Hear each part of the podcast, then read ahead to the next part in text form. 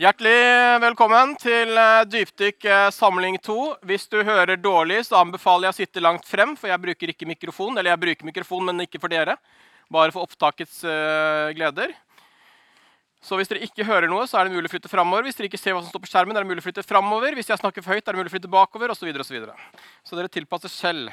Hvis du syns det er for mørkt, så er det mulig å flytte seg fremover eller bakover, for det er alltid mørkest på raden i midten der. Så da har jeg vel sagt det meste av praktisk informasjon. Kaffebaren stenger nå, så det er ikke å gå ut og prøve å kjøpe kaffe under dypdykk, mens toalettene vil være åpne. Så i lende. Nå bare nyter jeg denne kaffemokkaen som jeg har laget selv. Det sa jeg bare for at det skulle komme med på opptaket.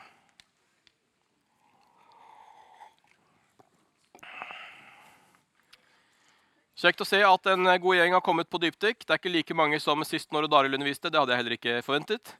Uh, men dere er jo kremen. Så velkommen tilbake til eh, del to av en serie i seks deler om Jakobs brev. Jeg håper mange av dere har lest uh, kapittel 1 uh, eh, før i dag. Men om ikke du har gjort det, så skal vi gjøre det sammen likevel. Så det blir bra. Men det er nå i dag vi skal begynne å dykke ned i selve brevet. Ikke bare snakke rundt brevet, som Daril gjorde sist. Men hvis noen ikke var her sist, så tar vi bare en kjapp, eh, veldig kjapp, uh, lynkjapp repetisjon av noen av hovedpunktene fra Odd Arilds undervisning. Han holdt jo på en time, kan oppsummeres fint på to minutter. Uh, som dere ser her, om brevet. Forfatter var altså Jakob. Uh, man vet jo ikke 100% sikkert at det var han, men uh, tradisjonen og historien og det vi vet, antyder at det var Jesu egen bror som skrev Jakobs brev. Han het også Jakob. Hvis det var Jesu bror Jakob som skrev det, så er dateringen til når brevet ble skrevet, satt til antagelig 45 til 55 etter Kristus. Vi vet at det ikke kan ha vært noe senere enn 64 etter Kristus, når han led martyrdøden. Og i og med at uh, begivenhetene brevet forteller om, så uh, anslår man rundt der. da. Rundt år 50 er vel det man ofte sier. da. Så har vi litt slingringsmonn på fem år begge veier. Mottakerne var jødekristne menigheter utenfor Israel. Og Innholdet i brevet er oppsummert Odaril med fire hovedelementer. som handler om hvordan leve som kristen, det handler om tro og gjerninger, oppgjør mot, med lovløshet, og det handler om å bli Jesus lik, da, eller Jesus likhet. Så Det var egentlig repetisjonen fra sist. så da, da kan jo, De som ikke var her sist, kan jo være glad for at de fikk det på så kort tid. og slapp å være her sist, sånn sett. Men vi eh, går videre til vers 1 og begynner rett på. Og Det var egentlig det eneste verset Odd Arild snakka om sist, så jeg skal ikke bruke veldig mye tid på det, for det tok han sist. da. Men det handler jo om dette med at uh, Jakob og Guds Herrens Kristian sender sin hilsen til tolv stammer som er spredt omkring i fremmede land. Så da fikk vi jo litt om hvem som har skrevet det, og hvem det er til. Og det er vel det eneste som Odd Arild sa som minner om et, altså gjør at brevet minner om et brev, er innledningen i det første verset ofte som var vanlig å starte et brev på den måten. Men ellers er jo brevet formet mer som en epistel eller en preken eller en ja, formaningsbrev. Eh, som er veldig muntlig i formen. Eh, og virker som det også er skrevet litt Det hopper litt hit og dit ettersom han impulsivt skriver ned det han kjenner på. da. Bare drikke litt kaffemokka. Han er veldig god. Eh, det jeg tenker er fint, uh, er jo egentlig fint uh, på disse dypdykksamlingene, er å lese kapittelet høyt. Før vi snakker om det, så har vi det også litt sånn oppe for de som ikke har lest det. Og det gir meg også litt tid til å, å, å drikke opp mokkaen. Så eh, det jeg lurte på, var om en av dere som har Bibelen med, eh, eller har det oppslått, har lyst til å lese kapittel 1 for oss uh, høyt. Eller vi kan forresten dele det i to, så blir det ikke så mye. Det er jo en 27 vers, så hvis de sier at én kan lese 13 vers, og så kan én lese resten, så får vi litt variasjon fra min stemme også. Det er fint. Er det noen som vil lese vers 1 til 13? Ja, Kenneth Øksen Arrestad høyt og tydelig.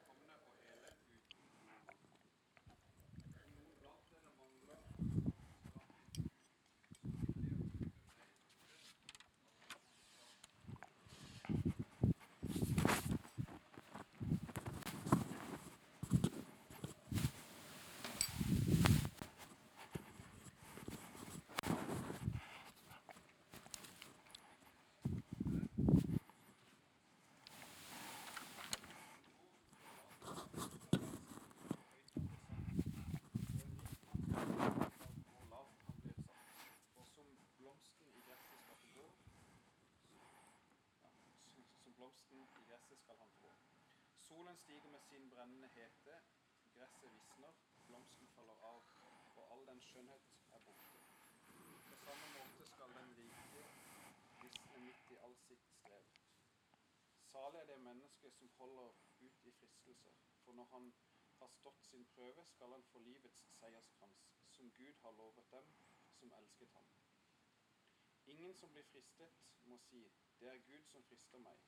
For Gud fristes ikke av det og selv frister han ingen. Takk skal du ha, Kenneth. Er det en annen som vil ta over stafettpinnen og lese resten? Her er vi bare blant venner.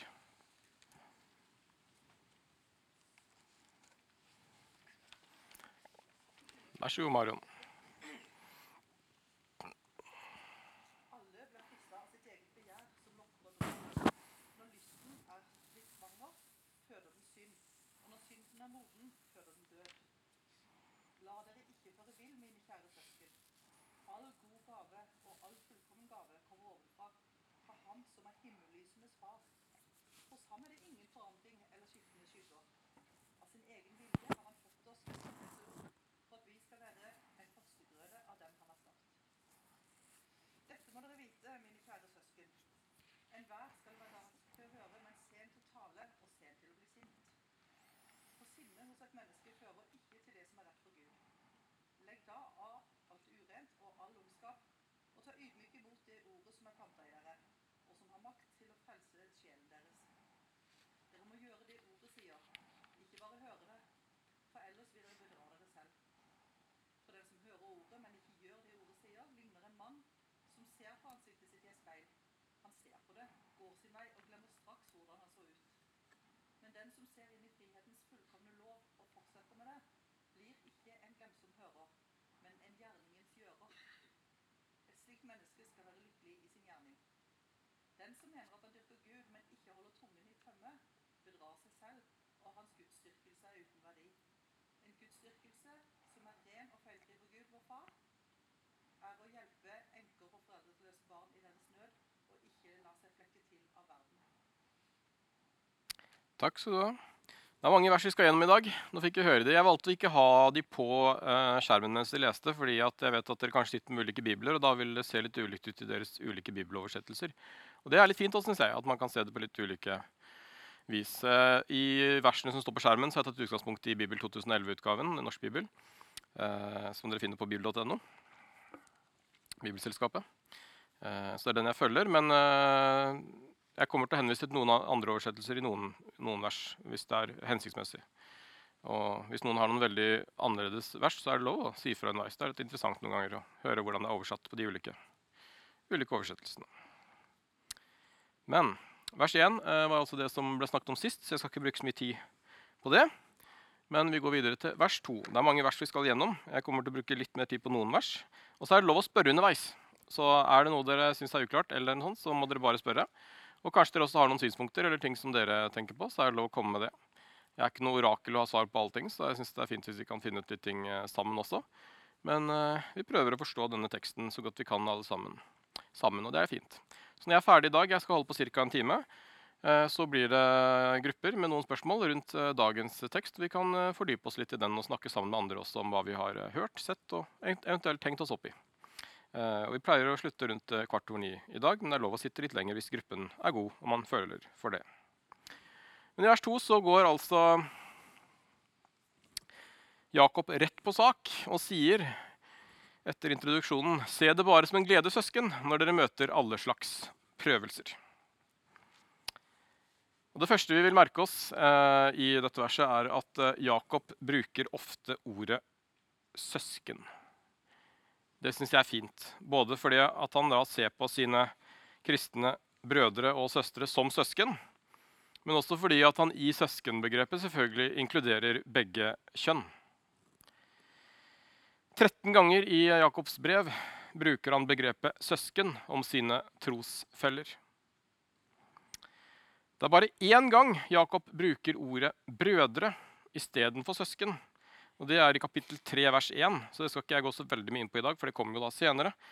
Men i vers, kapittel 3, vers 1 så står det at ikke mange av dere bør bli lærere, mine brødre. For dere vet at vi lærere skal få så mye strengere dom. Når Jakob bruker konsekvent 'søsken' ellers i brevet, som han gjør her, men akkurat når han snakker om lærere, så bruker han ordet 'brødre', så er det også et argument og et vers som trekkes fram i forsvar for de som mener at kvinner ikke kan være lærere i menigheten. For Her var det altså viktig for Jakob da, i kapittel 3 vers 1 å poengtere at det er brødrene som er lærere.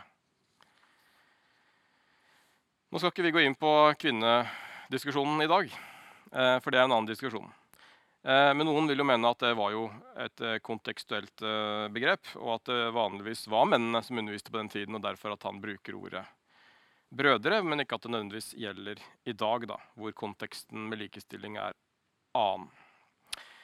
Men det er i hvert fall en interessant ting å se at han skriver altså søsken 13 steder. Han skriver brødre ett sted, og det er altså i 3.1. Så får vi sagt litt om det også. Greit å vite om. Og det var jo ikke bare bare å være kristen i eh, den første tiden etter Jesu døde oppstandelse. De ble jo forfulgt, som vi vet. Det var eh, mye forfølgelse av kirken.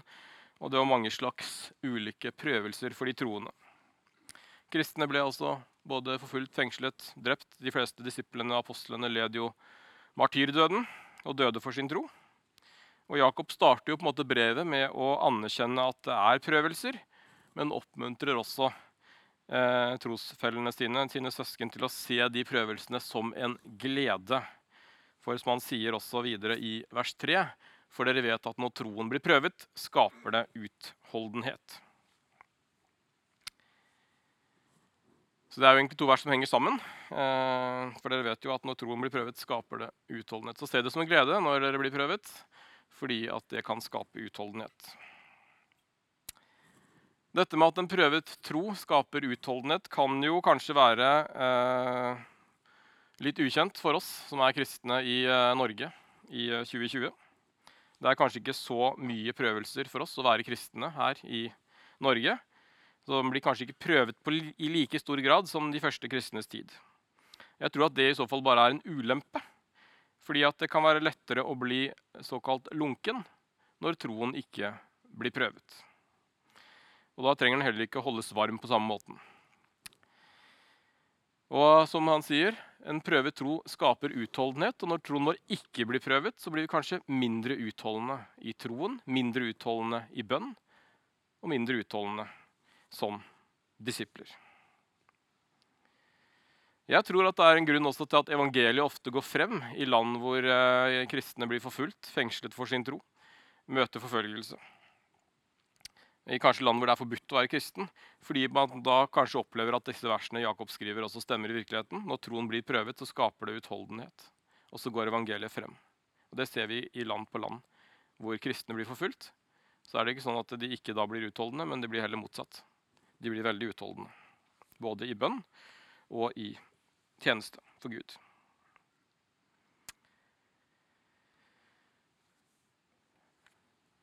Så er det ikke bare nok bare alltid å oppleve økt utholdenhet. Jakob fortsetter på en måte i vers 4 med å si men utholdenheten må føre til fullkommen gjerning, så dere kan være fullkomne og hele uten noen mangel.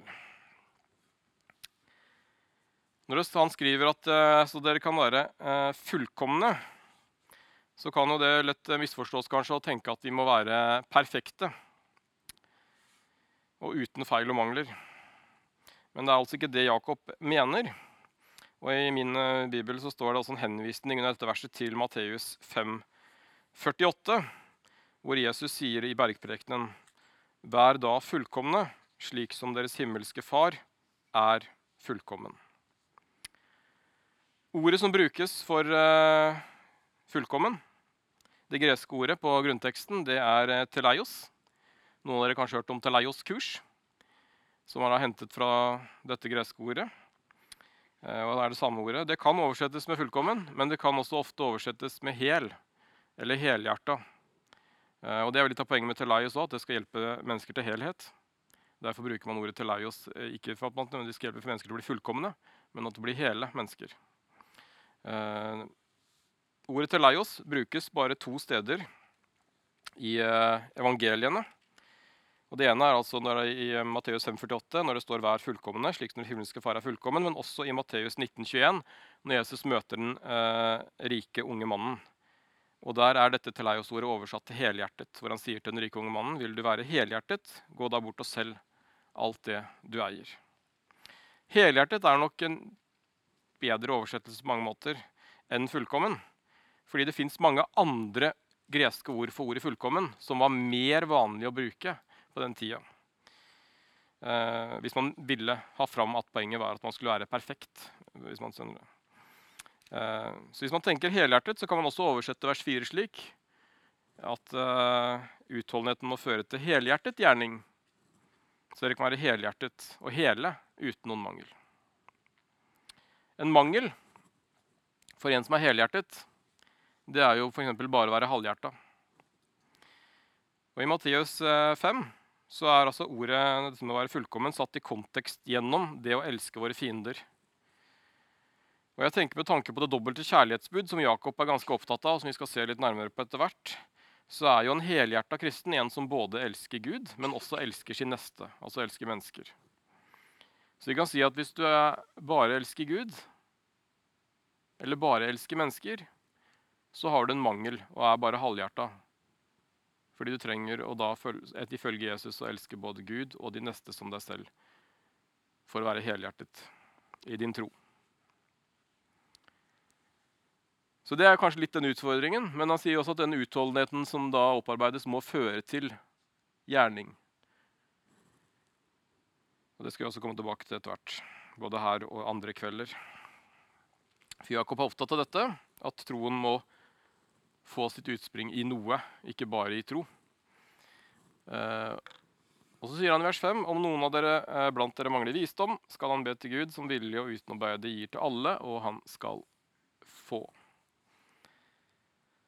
Nå kan det hende at han setter det inn i sammenheng med det han akkurat har sagt. Dette her med at eh, Vi møter prøvelser og diverse ting, og da er det kanskje greit med litt visdom på veien. Og Hvis dere da mangler det, så kan vi be, og så skal vi få det er noe løfte på det. I ordspråkene to så kan vi lese om at det er Gud som gir visdom. Kan en Jakob er inspirert av ordspråkene og andre skrifter i Det gamle testamentet, i tillegg til Jesu muntlige lære. Eh, men vers 5 er jo også et godt eh, praktisk tips fra Jakob. Om vi er i tvil i en situasjon, om vi står overfor noen vanskelige valg i livet, hvis vi ikke helt vet hva vi skal gjøre i en situasjon, så er det jo han sier egentlig 'legg det på Gud', og så vil Gud eh, svare. Og han bebreider oss ikke om vi kommer til kort i enkelte situasjoner. Om vi kanskje føler på at 'nå strekker jeg ikke til, jeg vet ikke hva jeg skal gjøre', Gud, i den situasjonen. Så bebreider ikke han om vi spør han om hjelp. Jeg tror heller han eh, setter pris på det og vil gi oss visdom til det vi trenger. Og Det er litt godt å tenke også det at, uh, at han uten å bebreide oss uh, Når vi akkurat leste dette her foregående verset om å være fullkomne, så handler det litt om at vi alle kanskje iblant vil komme til kort og trenger Guds hjelp uh, i livet på flere områder. Jeg har selv bedt mye om visdom i mitt eget liv. Ikke nødvendigvis fordi jeg har veldig lite fra før, håper jeg, men det kan jo hende det òg. Men uh, jeg tenker at det er lurt for de fleste av oss å be om visdom i de ulike situasjonene vi møter. Og spesielt selvfølgelig når vi står i situasjoner hvor vi kanskje ikke helt vet hva som er det beste valget. Så ja, kjente på det senest i går når eh, journalisten fra Adressa ringte og ville ha et intervju. Så er det lett å be om visdom når ikke vet alltid hva han skal svare. Men så sier han videre at vi skal be uh, til Gud om visdom, så skal vi få det. Men han må be i tro, uten å tvile. For den som tviler, ligner en bølge på havet, som drives og kastes hit og dit av vinden. Dette er jo et, uh, et spesielt vers for noen, i hvert fall. Jeg hørte faktisk forrige uke så var det en som uh, sa at dette verset var det som hadde betydd mest for han i sitt, eh, i sitt kristenliv. Han hadde vært borte fra kristen tro i mange år. Men Gud kalte på han, og en dag så ja, tenkte han skulle gi Gud en sjanse å slå opp i Bibelen. og ser man, ja, Der han slo opp når noe Gud ville si han, og så slo han opp da på, på Jakobs 1,6, hvor han leste det her. Den som tviler, ligner en bølge på havet som drives og kastes hit og dit av vinden. Og så kjente han ja, det er jo akkurat der jeg er. Og så ble han på en måte kjent at dette traff han, og så valgte han å gi Gud en ny sjanse da, ut fra dette verset som han fikk den dagen. Jeg lurer på han har vært borte fra tro i 20 år, eller sånt, så det er en ganske sterk historie. sånn sett. Verset er nok eh, inspirert av eh, det Jesus sier i eh, Matteus eh, 21, eh, 21-22, hvor Jesus sier Sannelig, jeg sier dere, dersom dere har tro og ikke tviler, skal dere ikke bare kunne gjøre det som jeg gjorde med fikentreet. Og som dere sier til dette fjellet, løft deg og kast deg i havet, så skal det skje. Og alt dere ber om i bønnene deres, skal dere få når dere ber med tro. Og det ser vi jo flere steder i Jakobs brev, at mye av det han skriver om, er jo hentet fra Jesu lære. Eh, og som Odd Arild sa sist, han hadde jo ikke evangeliene til å, å se på. For dette er jo et av de eldste skriftene, dette brevet. Så det er jo tydelig at han hadde vært med Jesus eller hengt med Jesus eller visste mye av Jesu lære, som også kan tyde på at det kan ha vært broren som skrev brevet. Da. Henviser mye til Jesus. Så dette er jo noe som Jesus sier òg. Dersom dere har tro ikke tviler, som sagt, så skal dere kunne gjøre mye. Eh, og Hebrebrevet 11,6 sier at uten tro er det umulig å være til glede for Gud. For den som trer fram for Gud, må tro at han er til, og at han lønner dem som søker ham.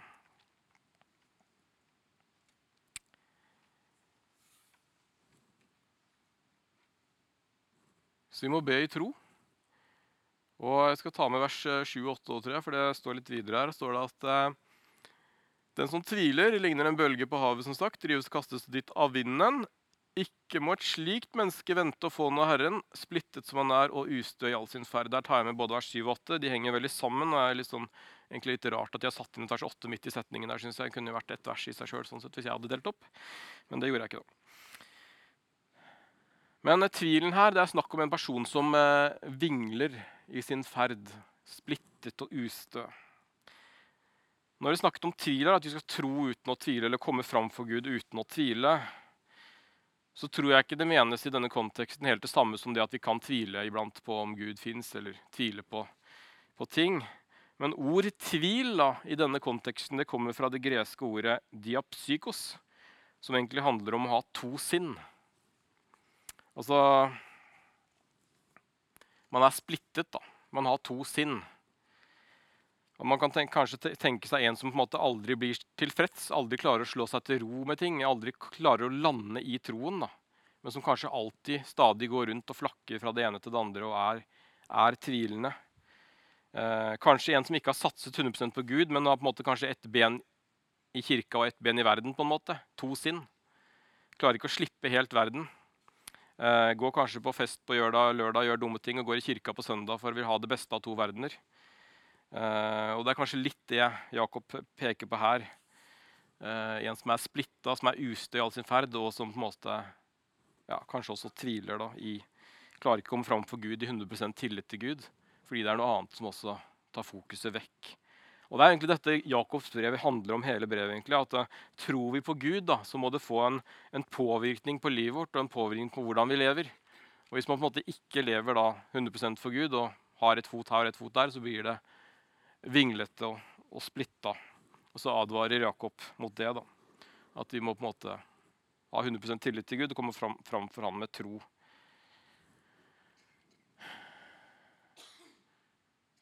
Og Hvis vi da på en måte ikke klarer det, og ikke være helhjertet, som vi om i sted, så kan vi heller kanskje ikke forvente å få bønnesvar eller få svar eller bli leda på samme måten. Vers 9-11 tar jeg sammen. Det er eh, tre vers her som egentlig er et avsnitt som eh, det står at en bror som står lavt i rang, skal være stolt av hvor høyt han blir satt. En rik mann skal være stolt av hvor lavt han blir satt, for som blomsten i gresset skal han få gå. Solen stiger med sin brennende hete, gresset visner, blomsten faller av, all den skjønnhet er borte. På samme måte skal den rike visne midt i alt sitt strev. Her er det plutselig tre vers som eh, står litt for seg selv i, eh, i kapittel 1. Eh, det er litt som om Jakob mens han skriver, plutselig får en innskytelse om å skrive noe, litt noe annet. Før han fortsetter litt på det han hadde tenkt, kanskje. Men her tar han på en måte litt, han tar litt et oppgjør med, med riket, og det gjør han flere steder i brevet sitt. Så det er tydelig at kanskje det, Jakob ja, kjenner kanskje mange rike, eller ser hva rikdom kan gjøre med folk. Eller, ja. Så han skriver litt om det. Uh, og det var nok mange rike også blant de jødekristne på den tiden. i menigheten også. Uh, og Her sammenligner Jakob livet med en, uh, en blomst. Uansett hvor fin blomsten er, så vil den forsvinne en gang. Den vil forgå, skjønnheten vil bli borte, slik som det også er med oss. Uansett hvor fint liv vi har, eller hvor høyt vi blir satt i livet, eller hvor mye penger vi har, så vil vi alle en dag forgå. Eh, Jakob og Peter eh, har også en del altså første Peters brev og Jakobs brev har også en del like vers. Eh, man antar jo at eh, Peter og Jakob også kanskje var ledere sammen en periode i menigheten i Jerusalem. At Peter dro videre, og at det var da Jacobsen tok over som leder. Eh, så de kan jo ha lært en del ting sammen, de kan ha snakka en del ting sammen og har kanskje en del av de samme tankene. Og I 1. Peter 1,24 så sier, eh, står det der at for alt kjød er som gress, og alt dets herlighet som blomsten på gresset. Gresset visnet, og blomsten falt av. Det er ganske likt som det han skriver her i, eh, i vers 11, da, om at blomsten faller av og skjønnheten er borte. Men litt det samme budskapet om at blomsten visner, og livet vil også visne en gang. Det er ingenting som varer evig her på jorden. Um, ja, vi kunne sagt mer om, eh, mer om de versene, men jeg uh, tror jeg går videre nå til vers 12. For det er også et interessant vers.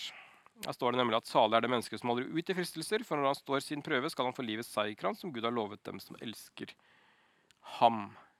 Så Han begynner jo litt med prøvelser, og sånne ting, og så tar han denne lille omveien i tre versene, og så er han på en måte tilbake igjen her i, i fristelser og prøvelser. Det som er interessant uh, her, er jo at det greske ordet peirasmos, som da er oversatt fristelser her, det er det samme ordet som brukes i vers 2, hvor det står prøvelser. Uh, det ordet kan bety både prøvelser og fristelser. Uh, så det kan si at det her også kan oversettes som prøvelser. Så du kan også si at salig er det mennesket som holder ut i prøvelser. For når han har stått sin prøve, og det passer jo bedre, da, stått sin prøve i prøvelsen, passer jo bedre sammen sånn sett. Eh, så det er ikke bare fristelser som kommer, men også prøvelser.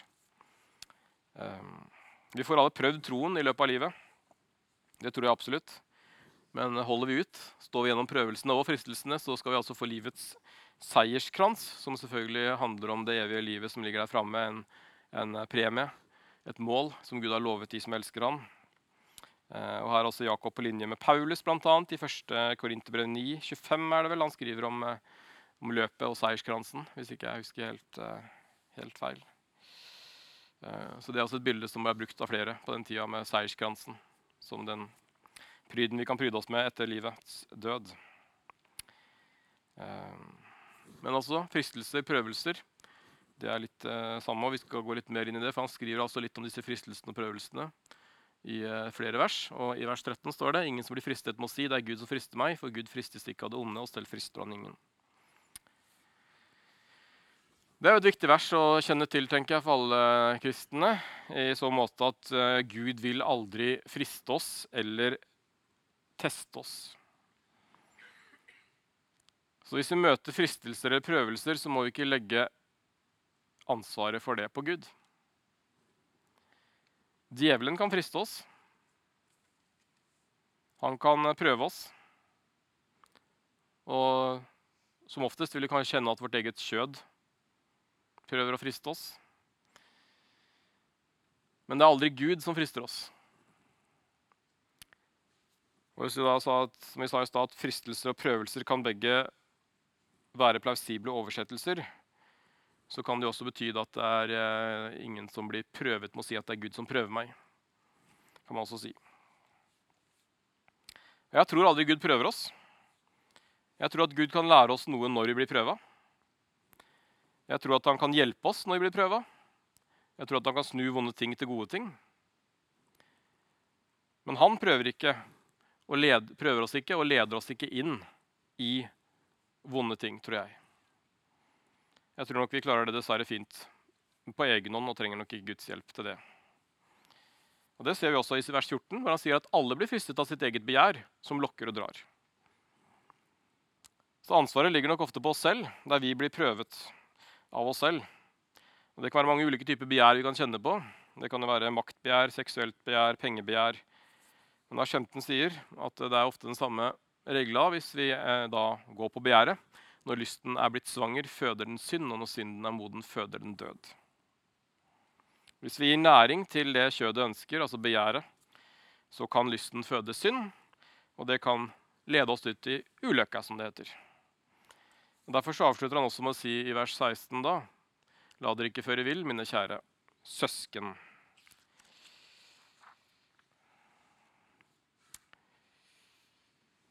Så det egentlig, De henger litt sammen, alle disse versene fra 13 til 16, om at eh, vi skal ikke legge ansvaret på Gud når det gjelder prøvelser og fristelser.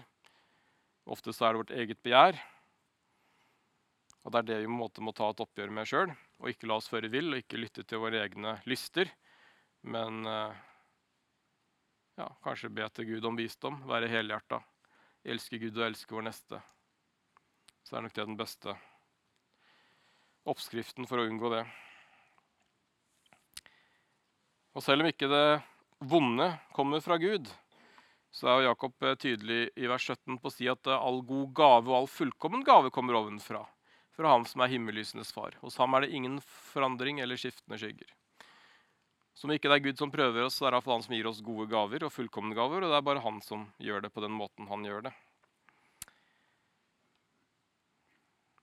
Himmellysens far, står det. Det er jo da det ordet de brukte på den tiden om stjernene. Himmellysene. Så man kan si stjernenes far, da, ville man kanskje sagt i dag. Eh, det er bare en digresjon. Eh, men hos ham er det ingen forandring eller skiftende skygger. Altså Gud er den samme til alle tider, og en vi kan stole på hele livet, er nok det Jakob eh, prøver å si her. Og han vil oss det gode. Og en av grunnene til at vi kan stole på han, er jo nettopp for det som står i vers 18, at av, av sin egen vilje har han født oss ved sannhetens ord, for at vi skal være en førstegråde av dem han har skapt. Altså det er Gud av sin vilje som har født oss ved sannhetens ord.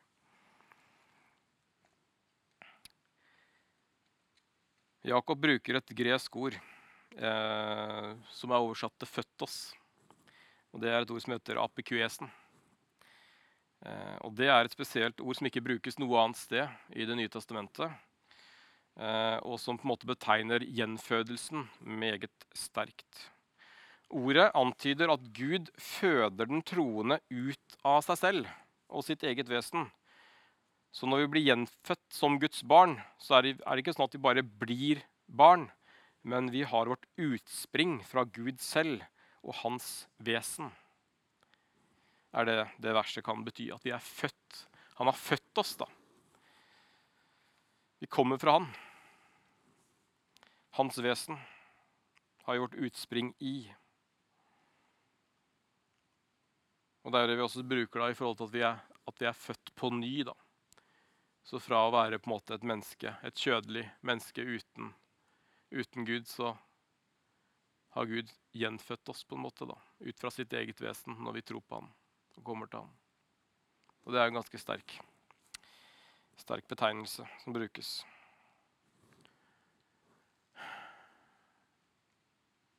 Når det står at for vi skal være en førstegrøde av dem han har skapt, så er det litt eh, delte meninger om hva det betyr. Men den mest eh, ja, Den konteksten som de fleste heller på, er at eh, det snakkes om her eh, jødene. eh, de første som tok imot evangeliet.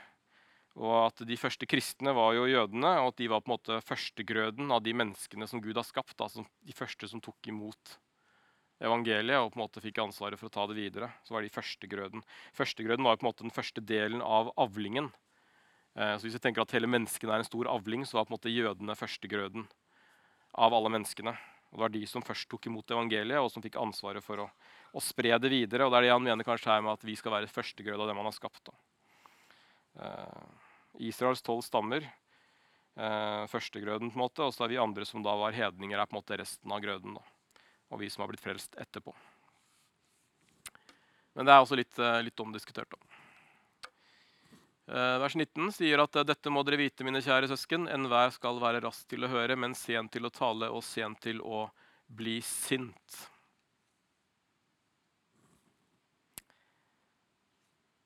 Jeg har alltid snakka fort, så jeg er litt dårlig på, på det verset her, kjenner jeg. Eh, til å tale. Jeg føler meg truffet.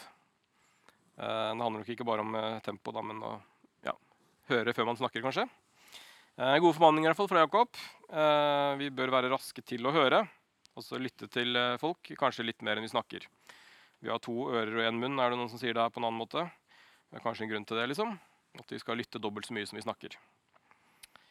Eh, men det er noe vi kan jobbe mot. Og selvfølgelig sene til å bli sint er også noe viktig for Jakob. Eh, han har nok opplevd en del sinn òg, vil jeg anta, og litt eh, forskjellige ting som han tar et oppgjør med.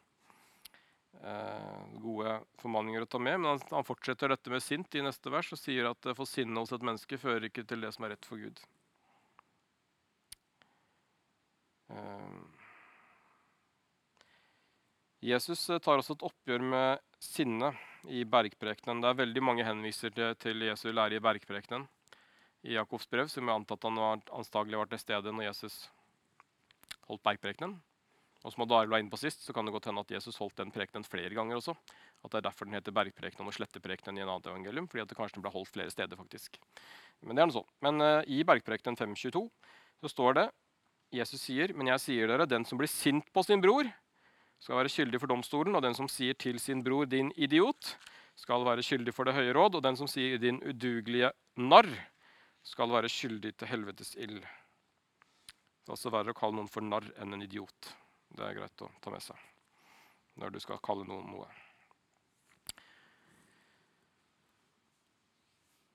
Selvkontroll, det å kunne kontrollere seg selv og sinnet sitt, det er noe vi må jobbe med, sier Jakob. Og det er egentlig det han maner til. da, Selvkontroll. Ikke bli bråsinte. Men eh, ja Det fører ikke til det som er rett for Gud. Så han har, han har ikke så mye til overs for sinne, egentlig. da. Og det er jo forståelig, egentlig. Det er, de fleste har vel ikke det. Uh, vers 21. eh, Legg da alt av alt urent og all ondskap, og ta ydmukt imot det ordet som er plantet i dere, og som har makt til å frelse sjelene deres. Så Vi skal altså legge av alt det som er urent, da, som handler om sinne og alle de tingene her, og all ondskap, og ta ydmukt imot det ordet som er plantet i dere. Ordet urent her kommer fra det greske ordet ruparia, som også medisinsk sett kan bety ørevoks. Eh, og noen har jo sagt at kanskje er det det Jakob også mener, at vi skal legge av alt som gjør oss eh, tunghørte for Gud. Så har du for mye ørevoks, eh, åndelig ørevoks, så er det ikke sikkert du hører hva Gud vil. Eh, så da legg av deg det, sånn at du kan ta imot det ordet som er plantet i dere, og bli frelst. Det var da en liten digresjon. Eh, men vi skal ta imot ordet som er plantet i dere. Og så skal vi ikke bare ta hvordan tar vi imot det ordet som er plantet i oss da? Jo, det fortsetter han i verset 2 med å si at dere må gjøre det ordet sier. Ikke bare høre det, ellers vil dere bedra dere selv. Så hvordan kan vi ta imot ordet som er plantet i oss? Jo, vi må gjøre det. Ikke bare høre det, men å gjøre det. Um.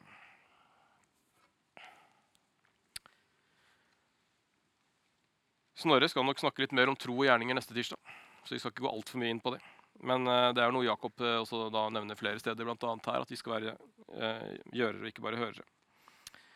og det var nok en del som diskuterte på den tida om det viktigste var å studere, studere loven eller å leve etter loven. Jakob er veldig tydelig på at ja, det holder ikke bare å studere loven, men også å leve etter loven. Og eh, Noen har jo ment at eh, noen føler at Jakobs brev eh, ikke er så bra, fordi det kan på en måte føre til en prestasjonskristendom.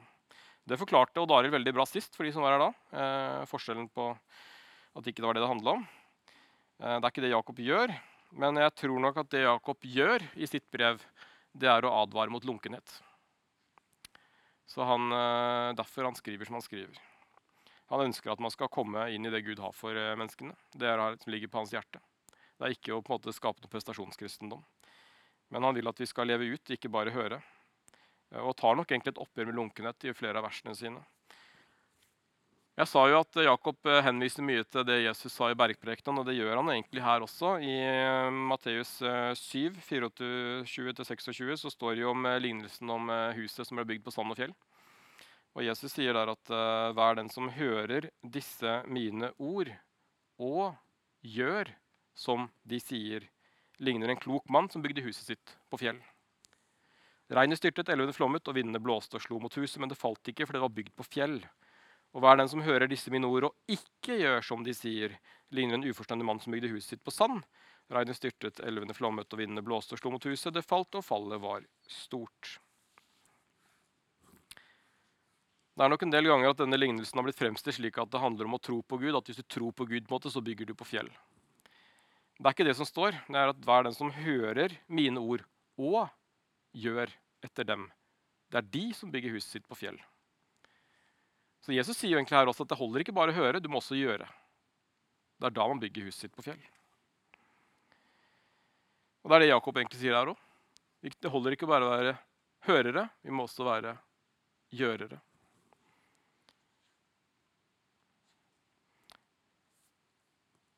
Og jeg tror nok at faren er i, at eh, i eh, kristne kretser i dag også at vi blir for mange hørere og litt for få gjørere.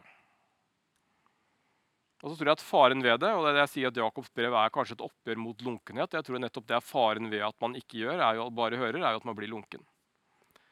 Man tenker kanskje at alt er greit, og så er det ikke det. Og så er det ikke alltid lett å se det selv heller. Så det er alvorlige ordet han tar opp.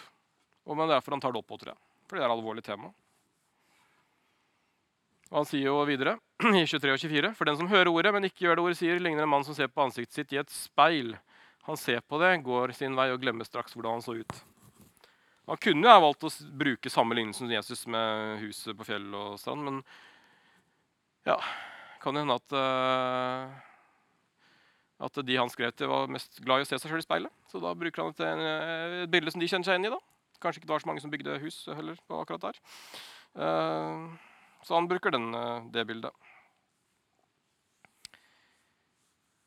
Og tanken er jo at Hvis vi ser oss i et speil, så vil jo alt vi ser i speilet, være synlig for oss. Hvis vi ser ansiktet oss i speilet, så vil vi kanskje se at ansiktet vårt ikke er perfekt. Vi kan legge merke til arr, vi kan legge merke til en kvise eller hår som er borte, eller det grå skjegget eller et eller annet. Men når vi går vekk fra speilet og ikke lenger ser oss selv, så vil kanskje fokuset vårt skifte over på noe annet. Jakob sier at kanskje noen ganger så er det slik med ordet også. ved At vi kan sitte og høre en preken eller en forkynnelse. Gud kan tale til oss gjennom forkynnelsen og vise oss ting i livet vårt som vi kanskje bør gjøre noe med. Og så tenker vi kanskje at dette må jeg ta tak i, dette må jeg ta tak i, og så går vi ut fra kirken og så glemmer vi alt sammen. Og Det er litt det samme han sier her. da. Hvis ikke vi gjør noe med det vi hører, så blir det på en måte, da blir vi bare hører og ikke gjørere. Jakob advarer mot det. Ikke fordi at han vil skape prestasjon og gjerning, men fordi han vet at livet med Gud har så veldig mye mer å gi oss. Han vet at det er bra. Det er det beste. Det virkelige livet. Og Jakobs hjerte tror jeg er at vi ikke skal miste alt det gode som Gud har for oss, gjennom å bare bli hørere og ikke gjørere.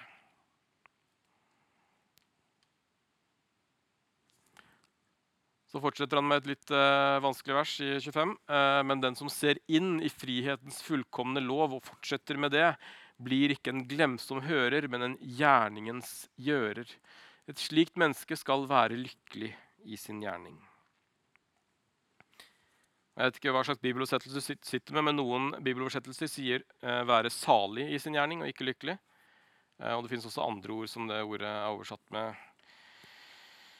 Men det er i hvert fall også flere tolkninger av hva frihetens fullkomne lov betyr. Den som ser inn i frihetens fullkomne lov, og fortsetter med det. Noen mener at det betyr Guds ord som helhet. Altså ja, alt som kommer fra Guds munn, altså både kanskje lov og evangelium. Noen mener at det bare handler om de ti bud. Eh, Det vil nok de færreste mene. Noen mener at det kun handler om det dobbelte kjærlighetsbud, som vi nevnte i stad. Elske Gud og elske vår neste.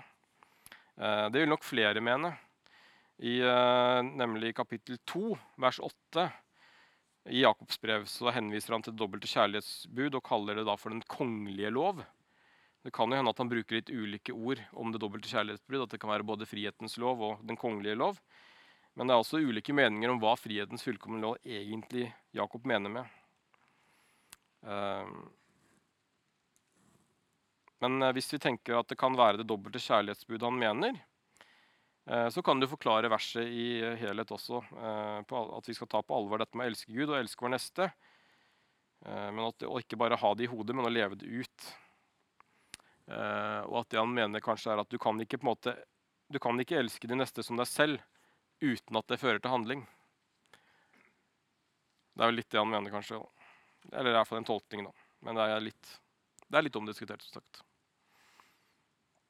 Ehm, Men hvis, hvis vi tenker det sånn, så sier at hvis du hører at du skal elske Gud og elske neste, uh, og sett, sett det på en måte, uh, og har skjønt det, eller tatt det, eller grepet det, eller begynt å leve det ut, så blir du ikke en glemsom hører, men en gjerningens gjører. Og et slikt menneske var lykkelig i din gjerning. Så tar du det å elske, elske Gud og elske de neste som deg selv på alvor, så kan du ikke bare bli en hører, men du må også bli en gjører. Det er jo litt det kanskje han, han mener. Fordi du ikke kan elske neste eller elske Gud uten at det gjør noe med deg. Og andre, forhåpentligvis. Yes. Gikk veldig fort. Jeg snakka litt for fort. Jeg var litt for dårlig på å være sen til å tale, ser jeg, så jeg er jo litt foran tiden. Men uh, vi har to vers igjen, uh, og de står litt for seg selv i kapittelet. Vers 26 sier at det er den som mener at han dyrker Gud, men ikke holder tungen i tømme, bedrar seg selv, og hans gudsdyrkelse er uten verdi. Jakob er en av de som skriver mest om eh, tungen i Bibelen, og det skal vi komme tilbake til i kapittel eh, 3. Så det skal jeg heller ikke bruke mye tid på i dag. Det er et ganske langt avsnitt om eh, tungen og lemmet tungen. Eh, Men allerede her så mener han også at det er viktig å holde tungen i tømme.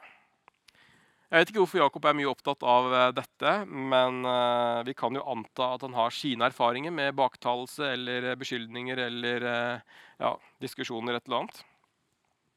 Og For Paulus sine brev så vet du at det var en del misunnelse, baktalelse og en del sånne ting i de første menighetene. Det er nok noe som Jakob løfter opp i brevet flere steder av en grunn. Eh, at det var eh, mange som slet med, med tungen sin da, på den tiden. Bruker vi tungen feil, er altså vår gudsdyrkelse uten verdi, står det. Eh, uten verdi det er oversett i andre bibelforsettelser som bare forgjeves. Altså gudsdyrkelsen er forgjeves. Jeg vet ikke hva som står i deres eh, bibler, men det er litt ulike oversettelser på det. Eh, men at det hjelper på en måte ikke at vi dyrker Gud hvis ikke vi klarer å holde tungen i tømme.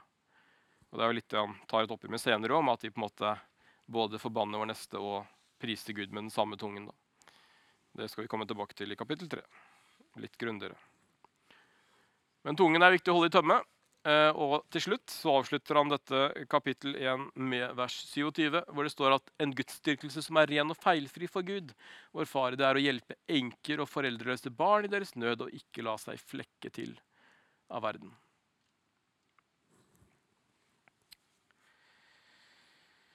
Så han ikke sier at eh, bare at hvis du eh, bruker tungen feil, så er gudsdyrkelsen uten verdi, men han sier også noe om hva en gudsdyrkelse som med verdi kan være. da. En ren og feilfri gudsdyrkelse er altså å hjelpe enker og foreldreløse barn i deres nød og ikke la seg flekke til av verden.